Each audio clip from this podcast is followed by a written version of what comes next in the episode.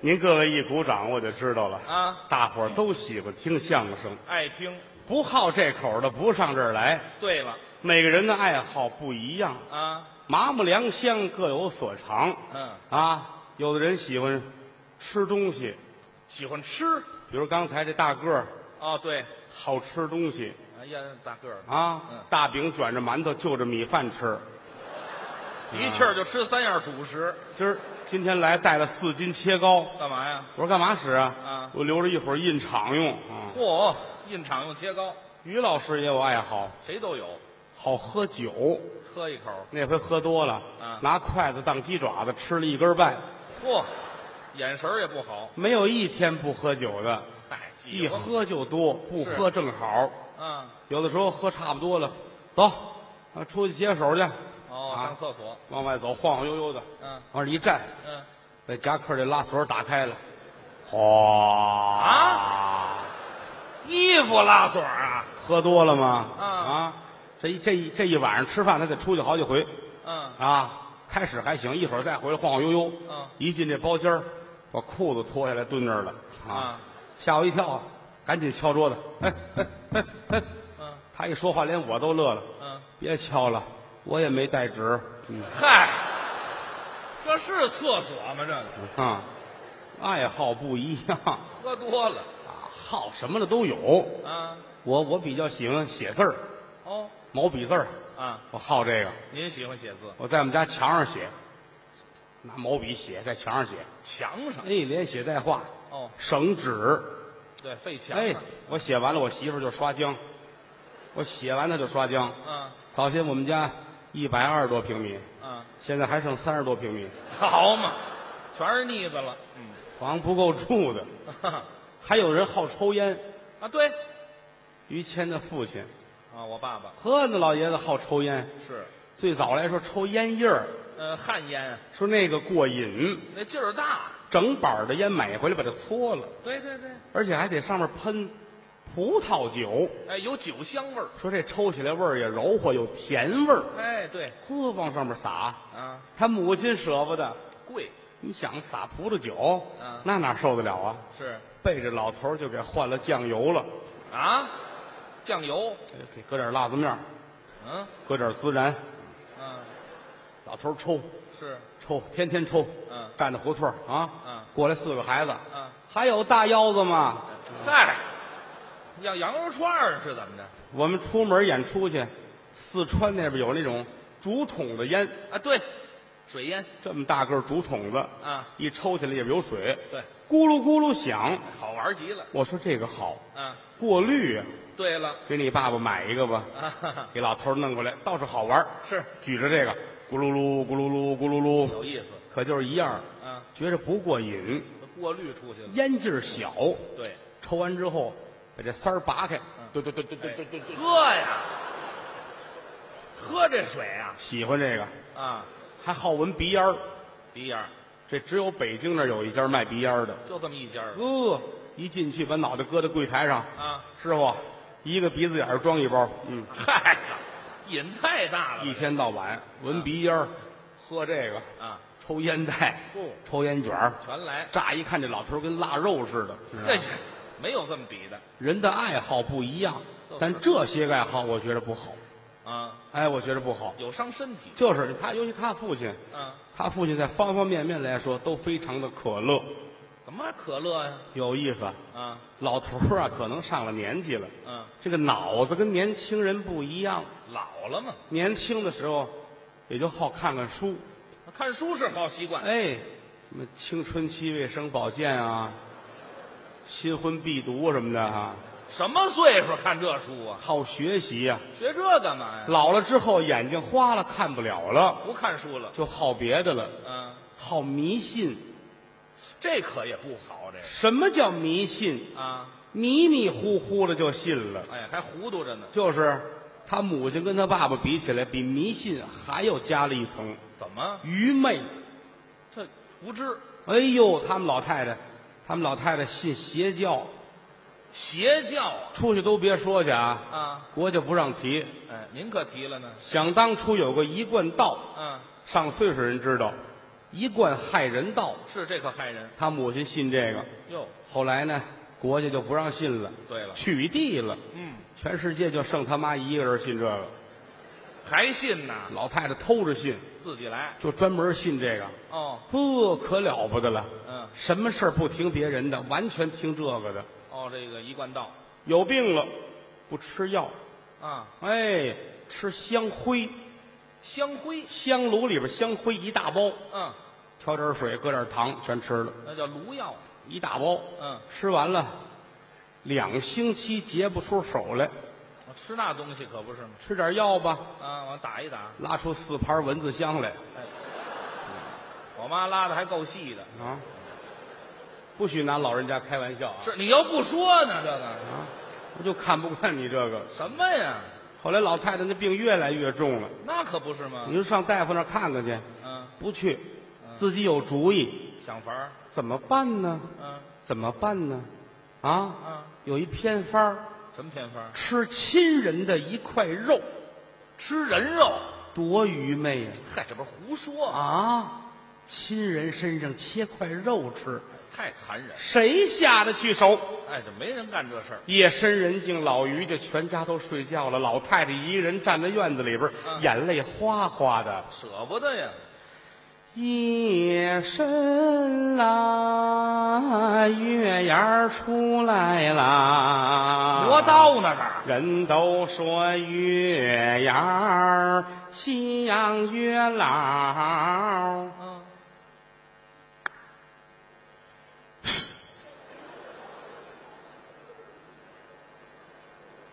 好，还真够快的。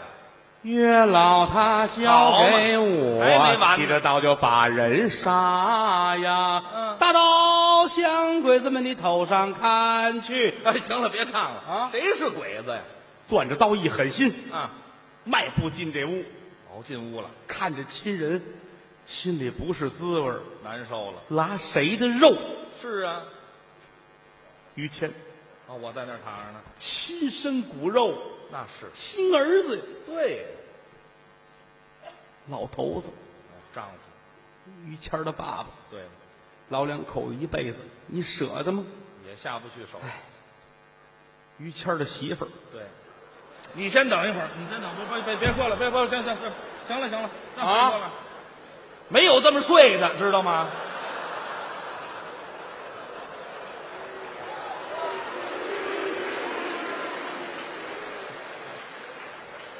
这不挺好吗？什么好啊？大户人家，大户人家都挤一个屋里，一个炕上，不是家里装修，装修也不能这么睡那几间屋子啊都都装修，啊！啊，跟着一个铺上先救活着，这不能这么救活，有帘儿，有帘儿行。有一道帘儿对了，把于谦儿隔开，哎把我隔开，把我隔开像话吗？把谁隔开？把谁隔开？这这这这都得分着就说这意思吧，说这意思吧什么啊意思啊！老太太站这儿，眼圈都红了，啊！脚踏黑土地，好还唱头顶一片天，嗯一撇儿一捺儿两个人呐、活在天地间，嗯人间有正道啊，岁月有更迁，嗯我这一刀夺了你呀、只啊求无愧过百年呀，大哎妹这儿这，哎甭高腔弄这儿过门了就，啊还高什么腔儿？怎么办？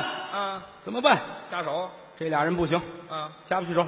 老头子肯定不可能，那当然，于谦儿也不可能，为什么？亲生的骨肉啊！对了，我要真拉孩子一刀，啊我对得起他父亲吗？是他父亲现如今在云南那边啊，哎，心里不是不是不是这这不是滋味儿行了，别别说了，什么晕的，这不炕上躺着呢吗？啊躺着，这是爸爸，一样知道吗？那不一样，那名儿都不一啊样。名儿不一样，人一样。你甭问了，问他心里也是病啊。对，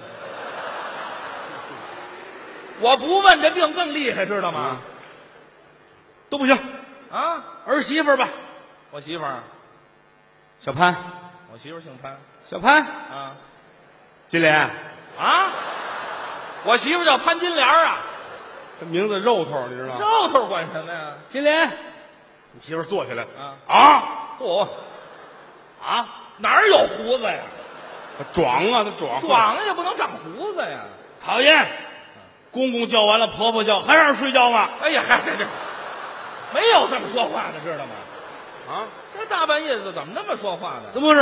啊出来，出来，出来！啊妈找你有事儿，啊！娘俩出来。嚯，孩儿啊，啊，妈跟你说件事儿吧，说吧，妈这身体不行啊，啊现如今得缺块肉，嗯嗯嗯，啊就是你了。哟嚯，你媳妇儿接过刀来，啊跟大腿这儿咔，啊，半斤多啊，嚯，鲜血淋漓地过去。老太太接过来，眼泪儿都下来了，心疼了太肥了。啊！别挑了 啊，这就，我看看那个腿哎，这这行了，全拉呀，啊，你先吃啊，啊吃的好再说啊。这好嘛，吃改好卖再说肉的了，嗯，老太太来到厨房这儿嗯，切完了嗯，拿团粉抓好了，哦，搁到碗里边儿，真细致啊嗯！挑了四个土豆，嗯，泡了一把粉条，啊哦，都搁这儿嗯，打开电视，干嘛哎，电视里边出现一个一个那样的人，戴个眼镜儿，嗯小平头，嗯啊，这个节目里面我们讲一下红烧肉的制作方法。哎，这啊现学是吧？看完了，嗯这几样都搁在一块儿，一大碗，嚯连汤带水，呼噜呼噜呼噜呼噜，啊，全都吃了啊。行，你说这个玩意儿偏方治大病，是吗？吃完之后没三天，这病啊好了，啊死了。嗯，那还不死，出殡这天，你媳妇儿就哭啊，心疼啊！腿疼啊，啊，对， 这么大一块肉能不疼吗？腿疼啊，是吧啊？这就是迷信，是，迷迷糊糊的你就信了，这不能信，是不是啊？可不是吗？啊，这个他爸爸比他妈还可乐，怎么了又？老爷子信的更多。啊，你说这个什么基督教啊、道教啊、佛教啊，什么都信。全信，无论走到哪儿，瞧见佛爷的铜像啊、画像啊，咣叽就磕一个。哎呦，哎，虔人诚走到画店，人那儿挂着了啊，菩萨像，对，他爸爸过去，梆梆梆磕仨头。这就磕，哎，完事儿送派出所去了，干嘛呀？柜台磕碎了。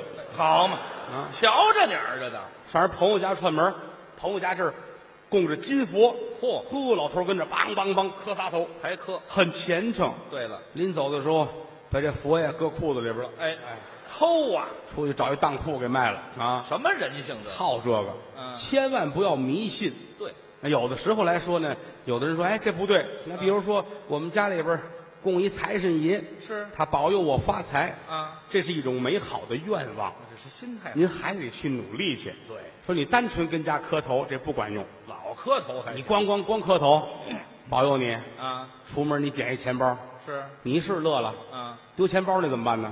对呀，是不 是？嗯所以说还得奋斗，还得去工作。还得努力。但是呢，咱们很多地方啊，嗯呃，这种封建迷信的事情还是有。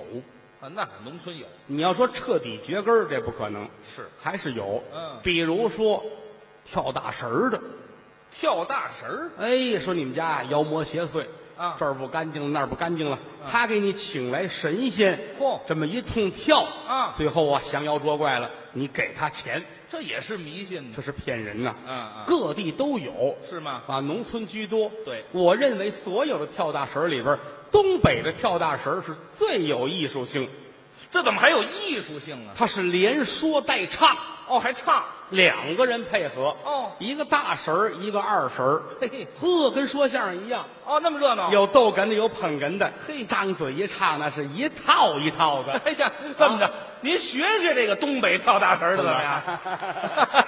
有艺术性，咱们也听听。没嗓子你都来不了这个，是啊，好听啊！怎么唱啊？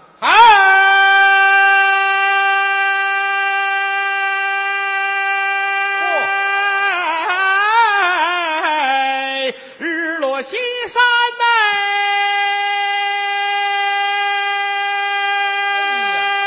哎，黑了天呐，哎哎哎呀！日落西山，黑了天，家家户户把门关，喜鹊老过森林奔，家桥扑克奔房檐，五爪的金龙归北海，千年王八回沙滩，十家上了九家锁，还有一家门没关，云淡淡，雾漫漫，分起了大难香，请神仙呐、哎哎哎呀！嘿嘿，哎，做手拿起文王鼓，右手拿起了赶弦鞭，嗯鼓也不叫鼓，鞭也不叫鞭，嗯鱼皮鼓、刘木拳，奔都是砍抱的远，横三竖四八根弦，四根朝北，四根朝南，嗯还有这弦砍跟针顺列坤队八个大铜钱呐、哎哎哎呀！嘿一别黄，二别莽，或是灰，或是黄，或是鬼，或是长，嗯或是哪吒三太子，或是托塔李天嗯王。要想家宅得安泰，怎么样？除非把于谦儿他们家的卧室，嗯就改成茅房吧。哎哎，